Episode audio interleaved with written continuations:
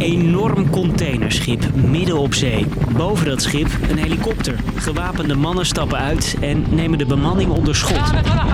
Dit is één van de aanvallen van gewapende Houthi-rebellen op de Rode Zee. Het is de laatste dagen schering en inslag. Wie zijn deze rebellen en wat willen ze met deze aanvallen? Die hebben rechtstreeks te maken met de oorlog in, in Gaza. Ik ben Marco en vandaag zoek ik voor je uit wat er aan de hand is op de Rode Zee.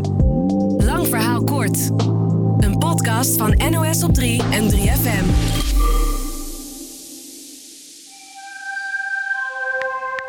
Stel, jij bestelt een pakketje dat gemaakt is in Azië. Dan wordt dat ingeladen in een container. Die container gaat op een schip met duizenden andere containers. En dat schip moet op een of andere manier West-Europa bereiken. De snelste route die is langs de noordoostkust van Afrika. Daar ligt Jemen aan de golf van Aden. Daar vaart dat schip doorheen. En vervolgens door de Rode Zee, daarna door het smalle Suezkanaal de Middellandse Zee op. En dat Suezkanaal ken je misschien nog wel. En schepen zijn gemaakt om te varen en niet om stil te liggen. Een kleine twee jaar geleden lag daar een schip dwars, de Ever Given. Met een monsterfile aan containerschepen tot gevolg, vertelde deze haveneconoom. We zien dat er ongeveer een 55-tal schepen per dag door dat uh, Suezkanaal moeten.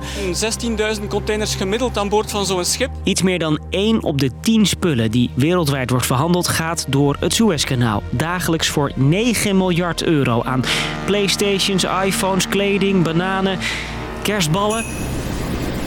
Als je niet door het Suezkanaal wil, is het alternatief helemaal om Afrika heen varen. En dat duurt veel langer. Maar toch moeten rederijen het de laatste tijd doen. Omdat Houthi-rebellen schepen steeds vaker aanvallen.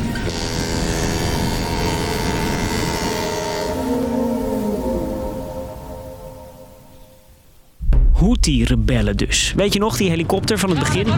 Daar stond de vlag van Jemen op. Houthi-rebellen hebben een deel van het noordwesten van Jemen in handen. En dat ligt, dat hoorde je net, in Afrika, langs die scheepsroute.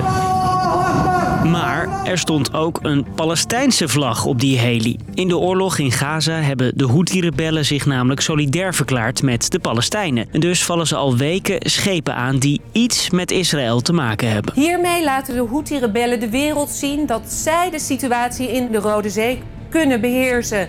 Met alle economische gevolgen van dien. Dat zegt correspondent in het Midden-Oosten Daisy Moore. De rebellen zeggen dat ze pas ophouden als Israël stopt met de oorlog in Gaza. Onderhandelen met de Houthis is voor de internationale gemeenschap heel lastig.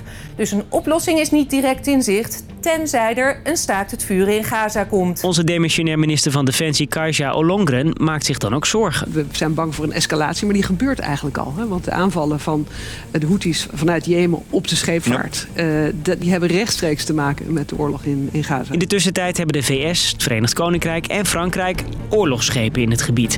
Zij proberen zoveel mogelijk aanvallen te voorkomen, maar dat lukt niet altijd. En dus komen de grote bedrijven achter die schepen, de rederijen, voor een moeilijke beslissing te staan.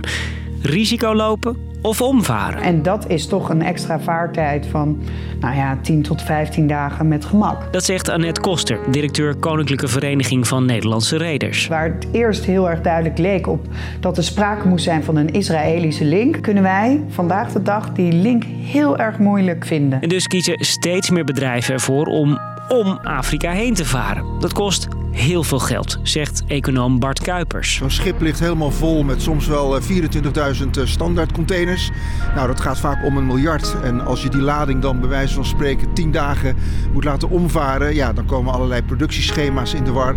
Dus dat is, dat is geen makkelijke beslissing. Er is wel bescherming van het Nederlandse leger, maar het is niet genoeg, zegt minister Ollongren. Maar hier gaat het over raketten en drones, dus aanvallen uit de lucht. Dus de huidige bescherming voldoet dan niet. Zij is nu in overleg met andere landen over wat ze moeten doen. Ik denk dat de scheepvaart nu op dit moment de enige juiste conclusie trekt, namelijk dat risico niet nemen. Uh, en wij willen met elkaar, met onze internationale partners, kijken hoe we uh, hiermee om uh, willen gaan. En De gevolgen voor dat pakketje van jou? Alle kerstpakketjes die liggen inmiddels al in de winkel. Maar de Valentijnsvoorraad die dobbert toch wel ergens rond op al die schepen. Als het escaleert is er een van de grootste handelsroutes wereldwijd. Ja, die staat onder bedreiging. Dus nu merk je er weinig van. Maar wat de prijs van die hartjesbonbons in februari wordt, dat is nog spannend.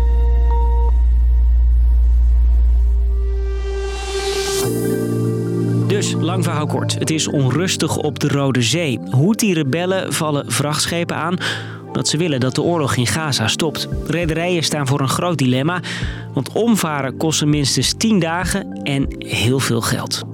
Dat was weer. Morgen dan schepen we je weer op met een containerlading vol aan info. Ahoy!